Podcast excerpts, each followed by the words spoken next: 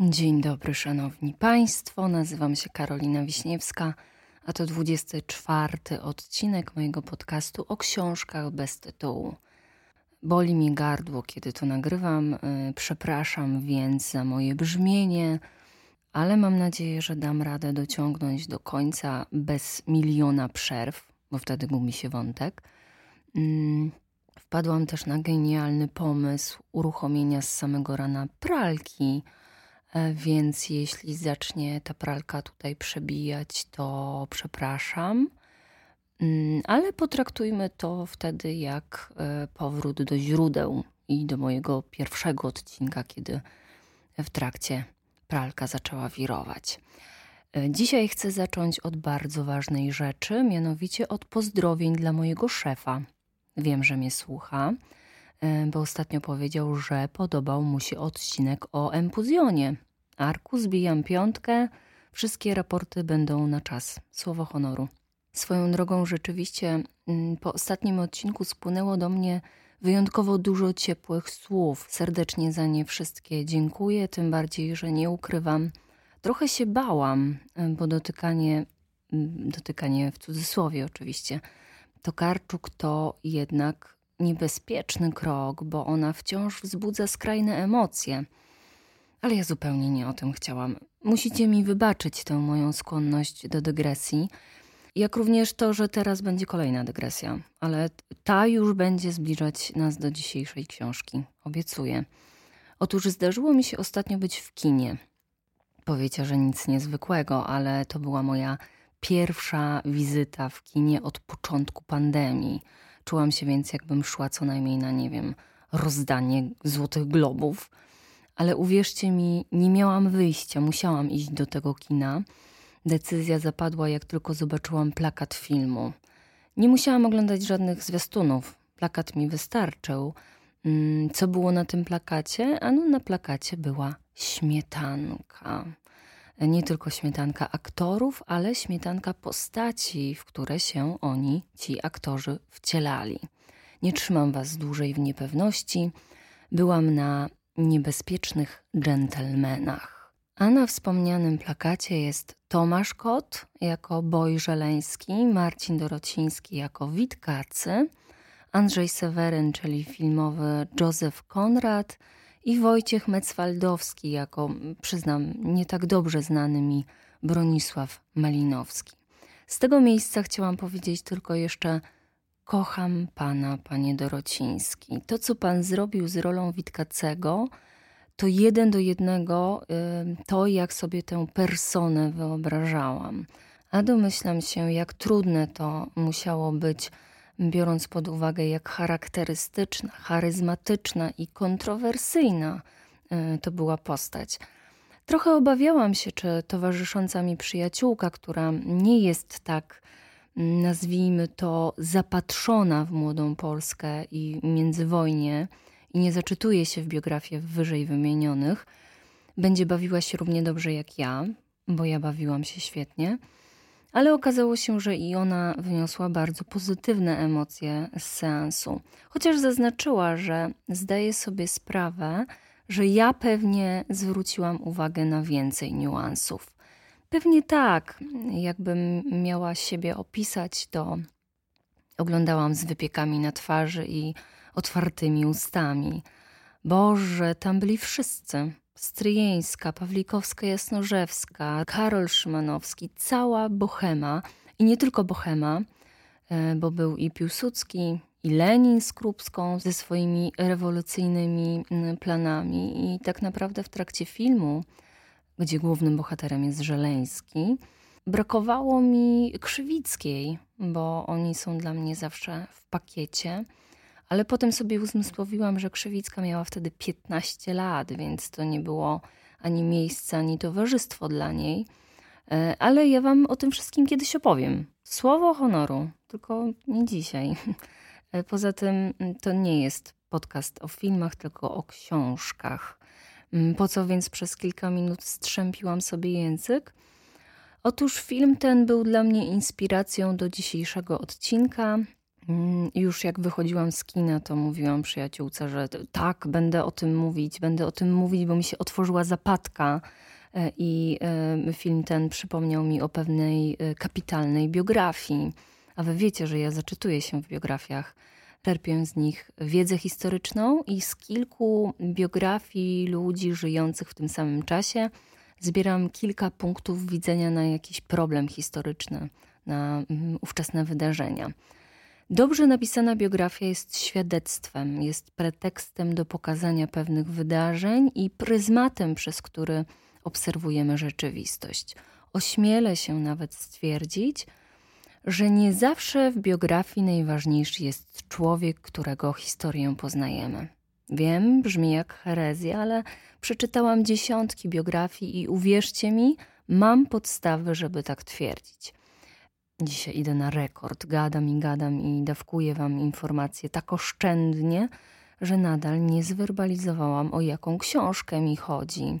A chodzi mi o książkę Błazen Wielki Mąż, czyli napisaną przez Józefa Hena biografię nikogo innego jak Tadeusza Boja Żeleńskiego.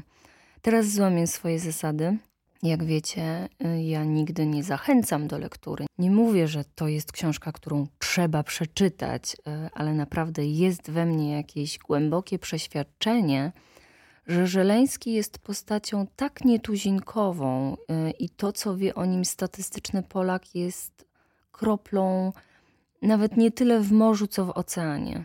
A to jest niesamowita postać. Cudowna osobowość pełna sprzeczności.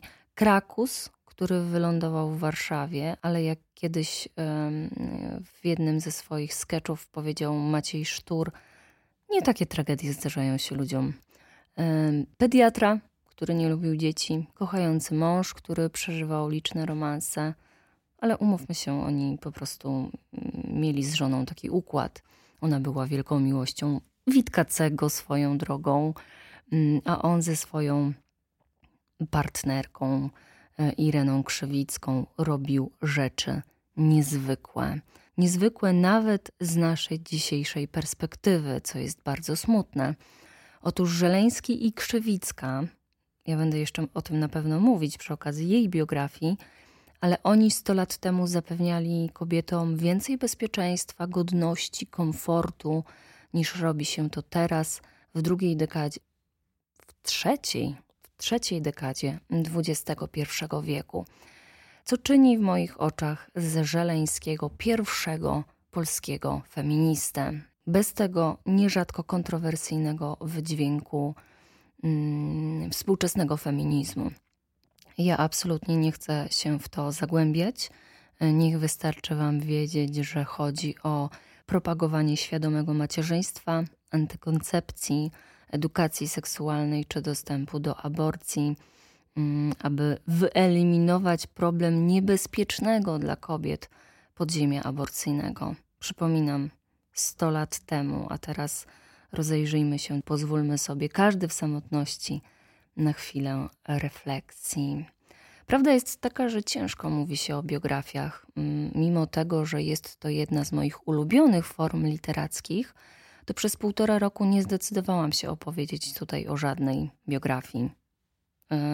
Dlaczego? Dlatego, że w przypadku biografii aż język świeżbi, żeby zrobić to, co zrobiłam teraz, czyli opowiadać o osobie, a nie o książce. A przecież to jest tak niesamowicie ciekawa forma, ciekawa i niezwykle wymagająca. Jaki ogrom pracy musi włożyć autor, żeby e, poznać swojego bohatera, on tutaj go nie tworzy jak w powieści. On ma być tym, który opowiada nam o człowieku, który powinien zachować bezstronność. Z drugiej strony, to do niego należy decyzja, które informacje, historie, wydarzenia są na tyle istotne, żeby umieścić je mm, w kilkusetstronicowej książce. To nie zawsze są proste decyzje. Jest też bardzo duża pokusa, żeby mm, pójść na skróty. Kilka lat temu przeczytałam dwie biografie tego samego człowieka, znaczy mówiące o tym samym człowieku, napisane przez dwóch mm, pisarzy. Jedna liczyła 200 stron, a druga prawie tysiąc. W jednej autor napisał to, co on chciał powiedzieć o swoim bohaterze, a druga była skrupulatną analizą bohatera, szukaniem przyczyn jakichś decyzji, a nie tylko ich skutków. I to są dwa takie skrajne przykłady sposobu pisania biografii. I żaden w sumie nie pasuje do błazna. Tytuł dzisiejszej książki to Błazen Wielki Mąż opowieść o Tadeuszu Boju Żeleńskim. I wydaje mi się, że opowieść jest tutaj słowem kluczem. Gdyby autor był fotografem, mm, to powiedziałabym, że zrobił Bojowi portret, potem stanął z boku i zrobił zdjęcie całej sylwetki, następnie zobaczył go gdzieś w tłumie i znowu cyknął mu zdjęcie. Ta książka to świetnie napisana historia, która płynie, pokazuje wiele punktów widzenia na daną osobę, ale też jest psychologiczną analizą człowieka trudnego, tak jak powiedziałam wcześniej, pełnego sprzeczności i jak na lata, w których żył szalenie odważnego. Szczerze, trzeba być Józefem Henem, żeby coś takiego w taki sposób napisać.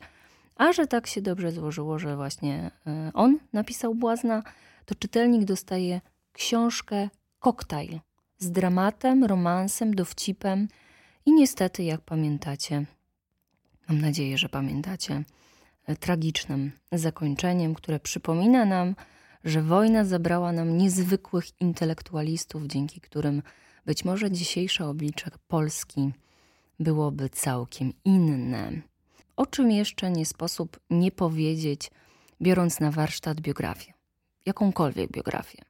O tym, że nie ma nic gorszego niż biografia ołtarzyk. Mamy wielką personę, zróbmy z niej nieskazitelny diament. Że był pediatrą, a nie lubił dzieci? A na co komu ta wiedza? Że żonę zdradzał? No błagam. Mało to współcześnie zdrad mamy? Szanowni Państwo, omijanie ciemniejszych stron w życiorysach jest manipulacją. Najcenniejsza jest ta biografia, z której możemy poznać prawdę. I w błaźnie mamy prawdziwego człowieka z jego wadami, rysami, słabościami, ale też z geniuszem, rozterkami, chęcią naprawy świata, a przynajmniej swojego środowiska. Takiego też Żeleńskiego odnalazłam e, w niebezpiecznych dżentelmenach, kiedy to wygłaszał swój monolog o zepsutym systemie. I to jest dla mnie spójne. To mi się zgadza. Ten rachunek wychodzi mi na zero. I teraz na zakończenie już w zasadzie chciałam powiedzieć coś, co w ogóle traktuję jako zaletę, i to jest nawiązanie do tego, co powiedziałam na początku ale kiedy mówię o jednej konkretnej książce, to może być to wadą. Otóż czytając biografię kilku osób żyjących w tym samym czasie, zwłaszcza kiedy ich drogi się bardziej lub mniej intensywnie krzyżowały, buduje się takie zaplecze, jeśli chodzi o wiedzę, że po czasie trudno powiedzieć, czy ja na pewno dowiedziałam się tego z tej, a nie innej książki. W tym przypadku mam ogromny problem, bo w krótkim odstępie czasu przeczytałam Błazna i Wyznania Gorszycielki, czyli biografię Ireny Krzewickiej. Oni właściwie żyli razem i opracowując ten odcinek miałam przeczucie, że te książki mogą mi się mieszać, ale uspokajam, jeśli mi się mieszały, to raczej treścią, a na pewno nie formą, bo są napisane zupełnie inaczej. Błazna czyta się jak opowieść, Gorszycielka jest trudniejsza, bardziej szczegółowa i, nie wiem, naukowa może trochę. Tak czy inaczej, obydwie te książki i obydwie historie, które naprawdę zacierają się w ogromnym stopniu, warto przeczytać. Bardzo się cieszę, że moje gardło wytrzymało. Będę już kończyć. Czas zrobić sobie kisiel. To taki mój protip. Kisiel jest rewelacyjny na ból gardła. Było mi bardzo miło znów spędzić z Wami czas. Pamiętajcie, że można znaleźć mnie na Instagramie, Twitterze, Facebooku. Można do mnie napisać na kontakt małpakarowiśniewska.pl. Z każdej wiadomości bardzo się cieszę. Można też zostawić mi stricte materialny dowód uznania, czyli postawić mi wirtualną kawę na Buy Coffee lub zostać moim patronem. Serdecznie dziękuję tym, którzy już się na to zdecydowali. Niezmiennie ściskam Was w pasie. Do usłyszenia za miesiąc. Wszystkiego najlepszego.